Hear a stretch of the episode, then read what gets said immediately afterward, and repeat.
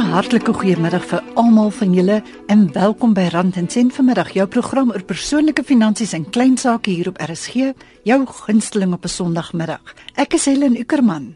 Ons praat vandag met Arnoud van der Bout en hy is bedryfsbestuurder van One Law 'n dienstemaatskappy vir prokureurs wat skuld invorder. Nou ons gaan vandag praat oor groot woorde soos skuldbeslagleggingsbevele en besoldigingsbeslagleggingsbevele en wat hulle beteken vir die gewone mens aan wie dit dalk opgelê kan word. Ons gaan ook praat oor hoe verbruikers hulle self kan verdedig sou kredietverskaffers misbruik maak van verskillende skuldinvorderingsmetodes. So as jy 'n bietjie in die knyp is. Let op en luister saam hier by Rand en Sent op RSG 100 tot 104 FM.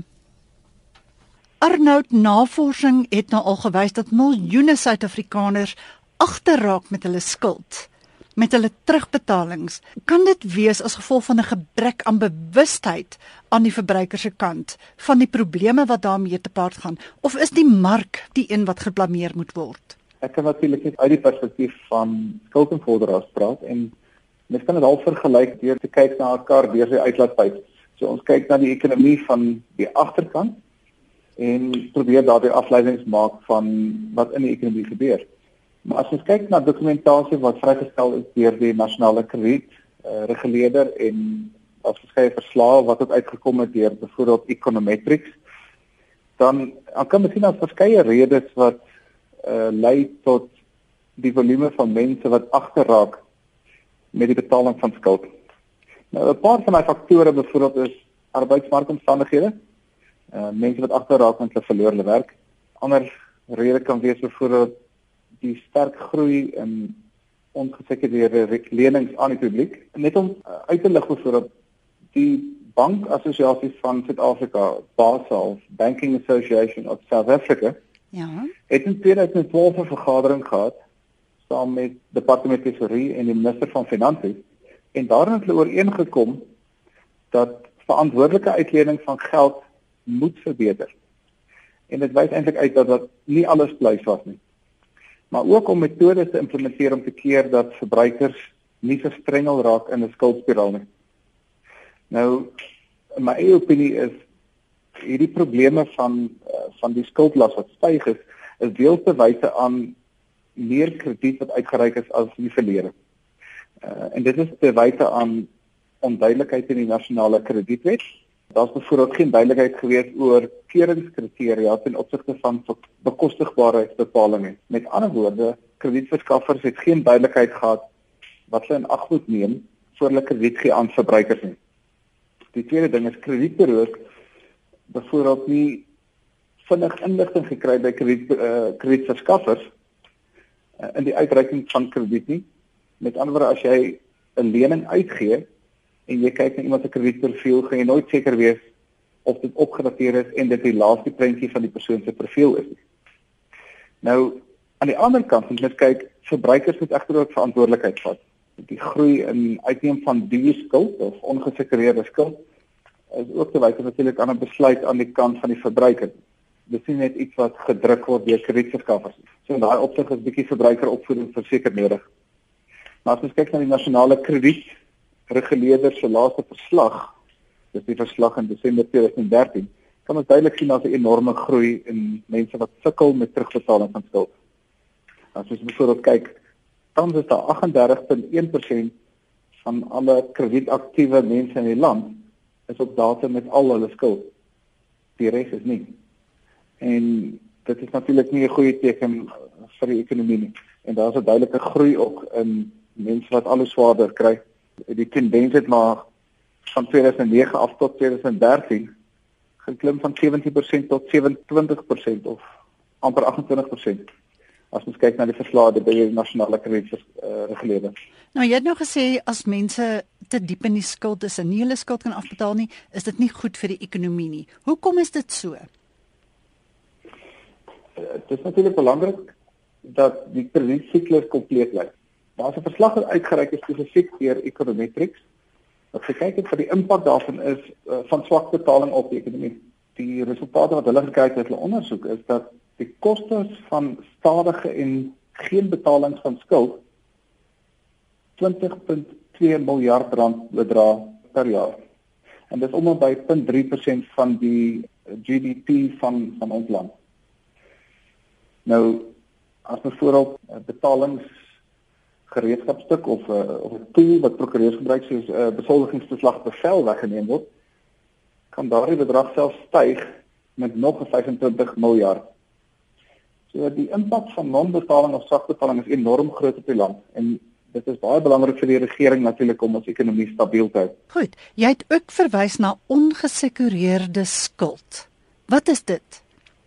Mens kry twee tipe skuld of dis die twee basiese groepe van skuld.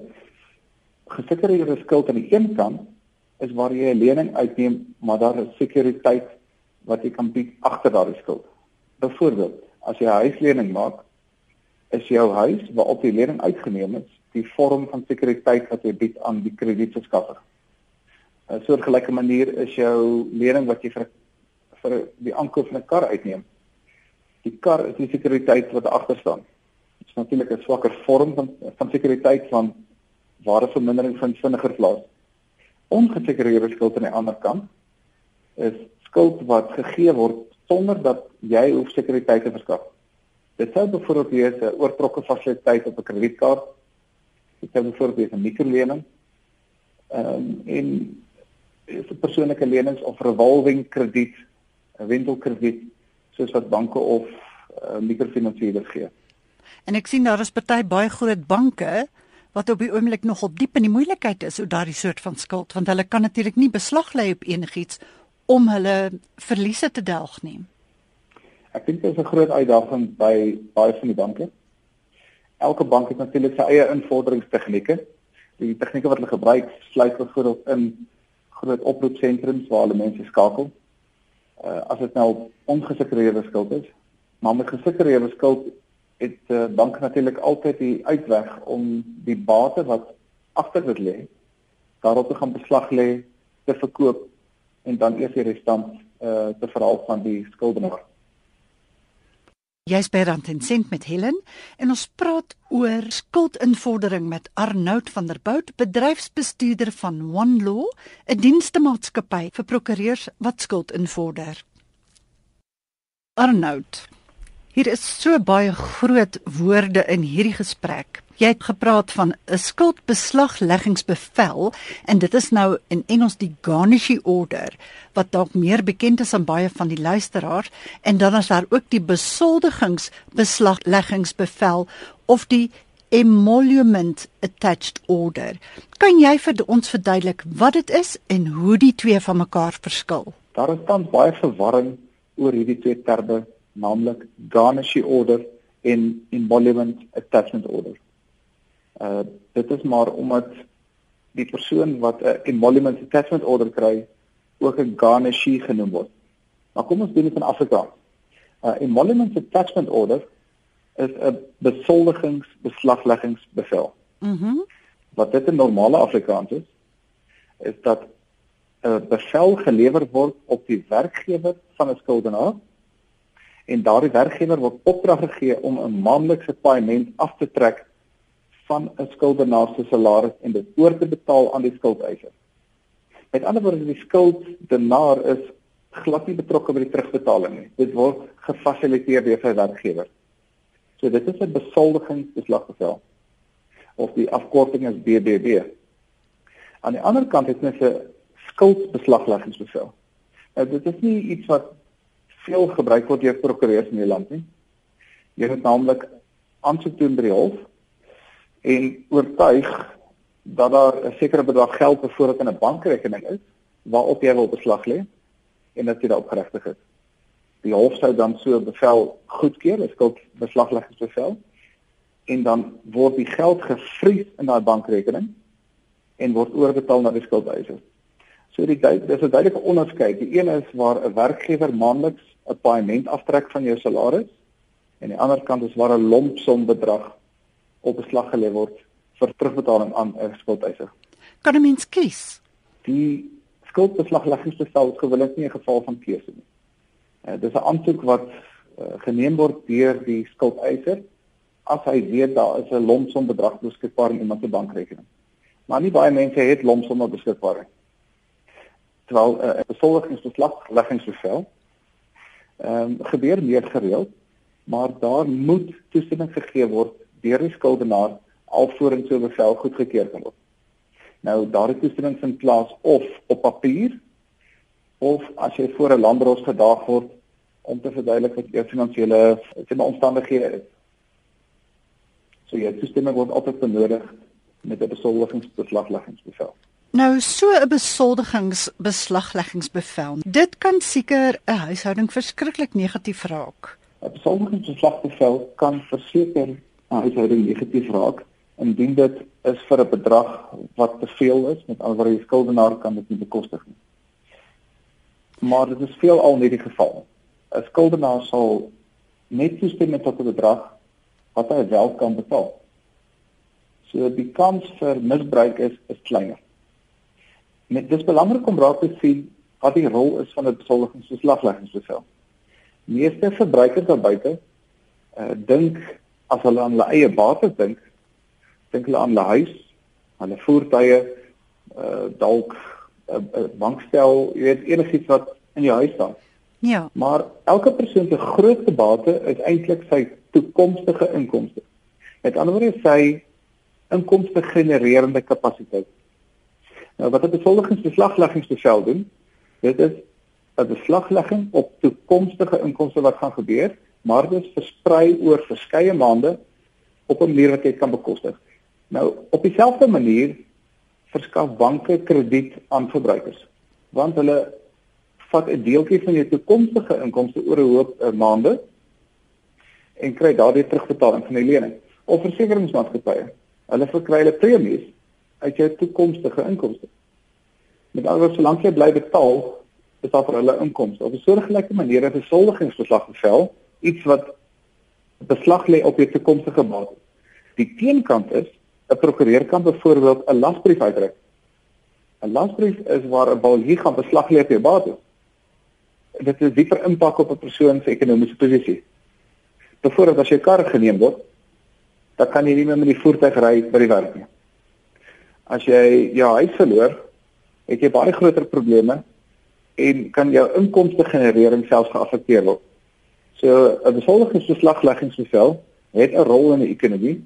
Dit gee 'n persoon die kans om sy toekomstige inkomste te gebruik en oor verskeie maande 'n skuld terug te betaal wat hy nie onmiddellik kan terugbetaal nie. Maar dit klink eintlik vir my of dit 'n goeie oplossing kan wees. Voordat jy nog jou salaris en jou bankrekening sien, is daardie skuld klaar betaal. Daar's natuurlik baie opinies hier. Meeste mense sê ek wil self beheer van die geld wat ek verdien. Maar 'n ander voorbeeld waar 'n besoldigingsslag sal gebruik word, is byvoorbeeld 'n onderhoudsbevel. Met ander woorde geld wat weggevat word voordat in jou bankrekening land. Persoonlik dink ek daar is 'n rol vir hierdie tipe bevel. Maar jy kan dit natuurlik nie vir alles gebruik nie. Jy kan nie 'n hamer gebruik byvoorbeeld om 'n venster reg te maak nie. So elke tipe terugbetalings, sê maar gereedskapstuk wat 'n prokureur gebruik, ehm um, het sy aparte doele en dit moet net daarvoor gebruik word.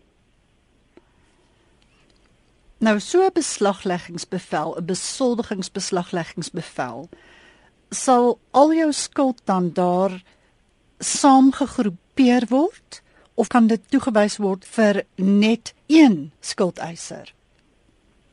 Dit word gewoonlik net vir een skuldeiser se uh, skuld toegewys.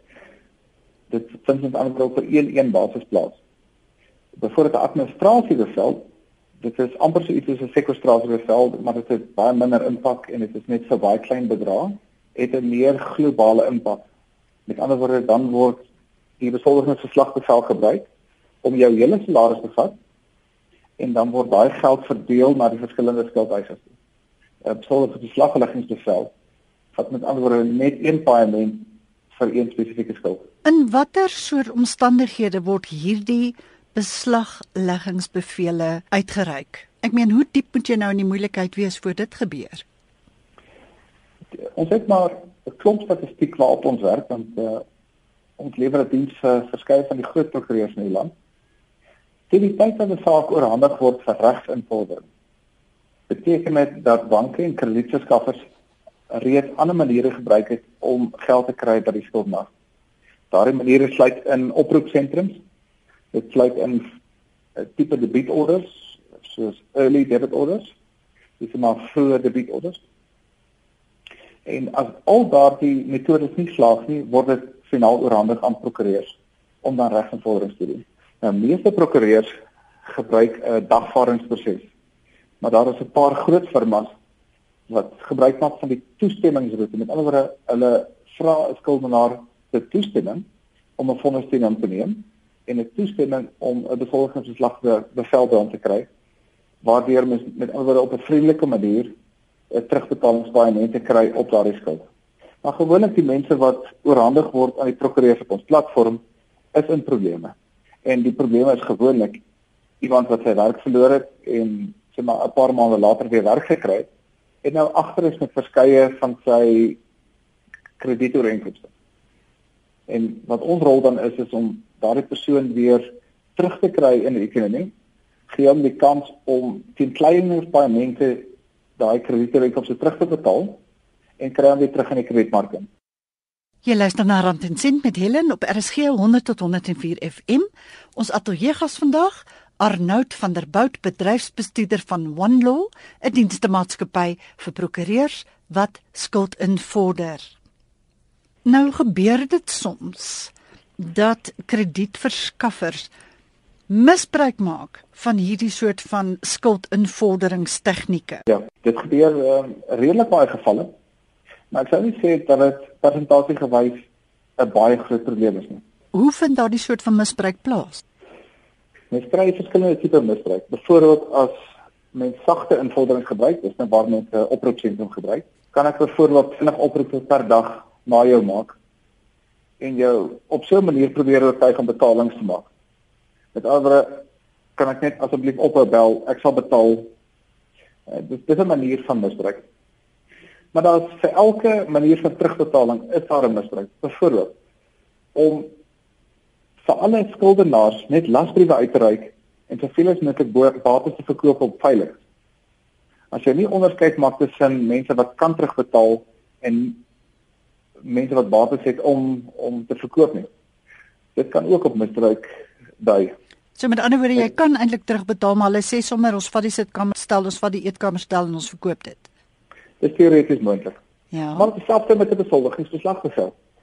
Ehm um, byvoorbeeld daar is verhale in die mark waar mense dokumentasie teken waar niks op geteken is nie of niks op geskryf is nie. Hulle sit hulle handtekeninge op en dit word dan gebruik as 'n toestemmingsdokument om by die howe 'n besoldigingsbeslag gesel te kry. Groot genade. Nou maar hoe kan 'n verbruiker homself verdedig teen hierdie soort van wanpraktyk? Daar's twee maniere. Natuurlik voorkoming en dis dis beter as om nooit iets te probeer regmaak en dan as dit al reeds gebeur het om agterna iets te doen. Voorkoming is waarskynlik die beste manier. Ek sou sê die beste advies is gebruik leningsdienste van geakkrediteerde kredietverskaffers. Met ander woorde kredietverskaffers wat geregistreer is by die nasionale kredietreguleerder. Soos 'n bekende want, bank of so. Absoluut ja. Ja. Want hulle hulle moet voldoen aan gedragskodes en etiese kodes ensovoorts en daar's veel meer geleerders wat kyk op wat hulle doen. So die kans van misbruik daar sal laer wees. En dit sluit nie net banke in nie, dit sluit byvoorbeeld ook mikroleners in wat byvoorbeeld geregistreer is by die mikrofinansierinsorganisasie van Suid-Afrika. Ehm um, die tweede ding wat 'n verbruiker kan doen is wees ingelig oor wat misbruik is. Byvoorbeeld, dit is nie redelik as 'n skuldinvorder jaar jou sê maar 20 keer 'n dag bel. 'n Baie belangrike ding is ook is dat verbruikers nie altyd lees voor hulle teken nie. Met ander woorde, hulle is oningelig in die besluite wat hulle maak. Ek dink mens kan toestemmings tot bevolkingsbeslag bevel teken, bevele teken. Maar mens moet weet waarvoor jy jouself vasteken. En dit sluit ook in as jy teken verlenings, weet wat jy teken die nog 'n punt van advies miskien is bly op datum met jou betalings indien jy dit kan doen. Moenie kanse vat en 'n paar paai mense net probeer wegkom. Want dan gaan jy oorhandig word en dan gaan invorderingsstappe moet plaasvind. Ook moenie beloftes maak aan skuldinvorderaars en dit nie nakom nie. Want kyk die prokureurs en die persone wat die invorderings doen, het 'n taak om te doen en hulle gaan daardie skuld bly ja. So daar's daar's verskeie maniere aan die voorkomingskant waardeur verbruikers self kan versterk.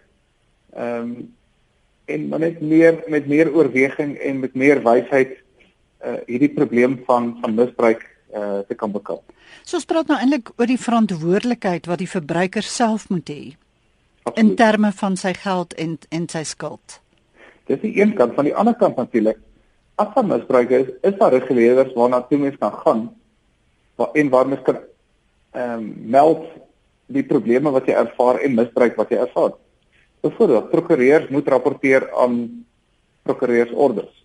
So as 'n prokureur misbruik doen, dan kan jy na 'n prokureursorder gaan en klagtes daar lê. Skuldinvorderaars moet verder geregistreer wees. Dis nou die skuldinvorderaars wat nie prokureurs is nie. Hulle moet geregistreer wees by die die Debt Collectors Council, die Raad vir Skuldinvorderaars. Net kan klagtes daarin doen. Dieselfde by ADRA. Dit is die Association for Debt Recovery Agents. En natuurlik kan ons gaan na organe soos die kredietombudsman, die nasionale kredietreguleerder, die mikrofinansiërings uh, organisasie van Suid-Afrika. So daar's verskeie instansies wat mens na die tyd kan help natuurlik om die misbruik op te slaan.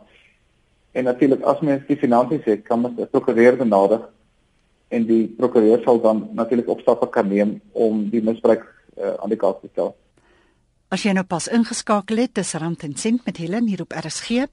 Ons ateljeegas is Arnoud van der Bout en hy is die bedryfsbestuurder van One Law, 'n dienstemaatskappy vir prokureurs wat skuld invorder. En dit is dan ook ons onderwerp, skuldinvordering. Die regering het nou onlangs die kredietamnestie aangekondig. Wat beteken dit vir verbruikers? Want ek weet 'n hele paar mense was bly, hulle het gedink hulle hoef nou nie meer hulle skuld te betaal nie, maar dit is natuurlik nie so nie.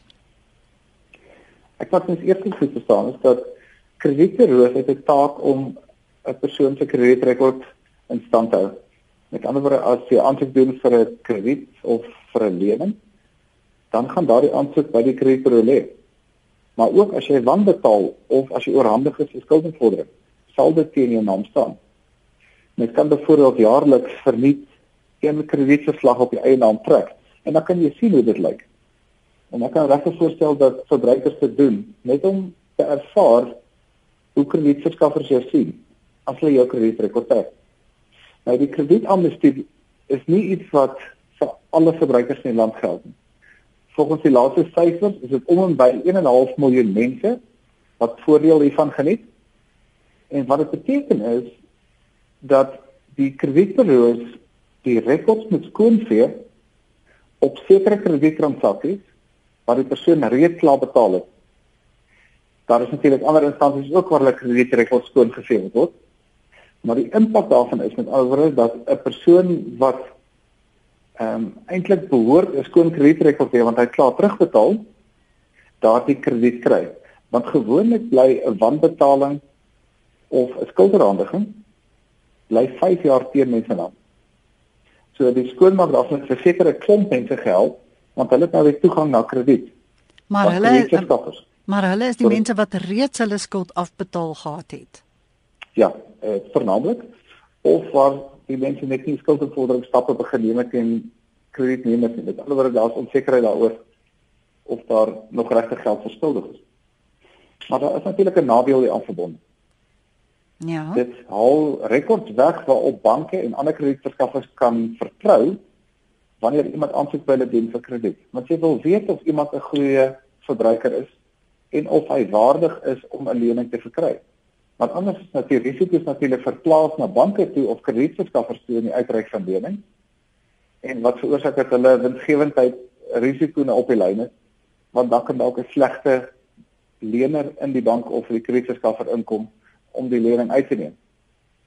So daar is voor- en nadele aan hierdie kredietamnestie wat uitgereik is. Arnoud, waar kan mense jou kontak? Ons uh, maatskappy is in Pretoria. Ja. En uh, ons uh, telefoonnommer is 012 810 4000.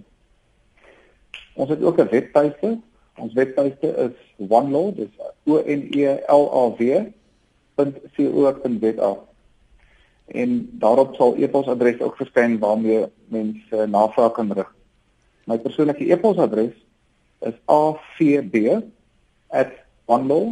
dis o n e l a w.co.za. Nou goed, ek gaan dit nou gou herhaal.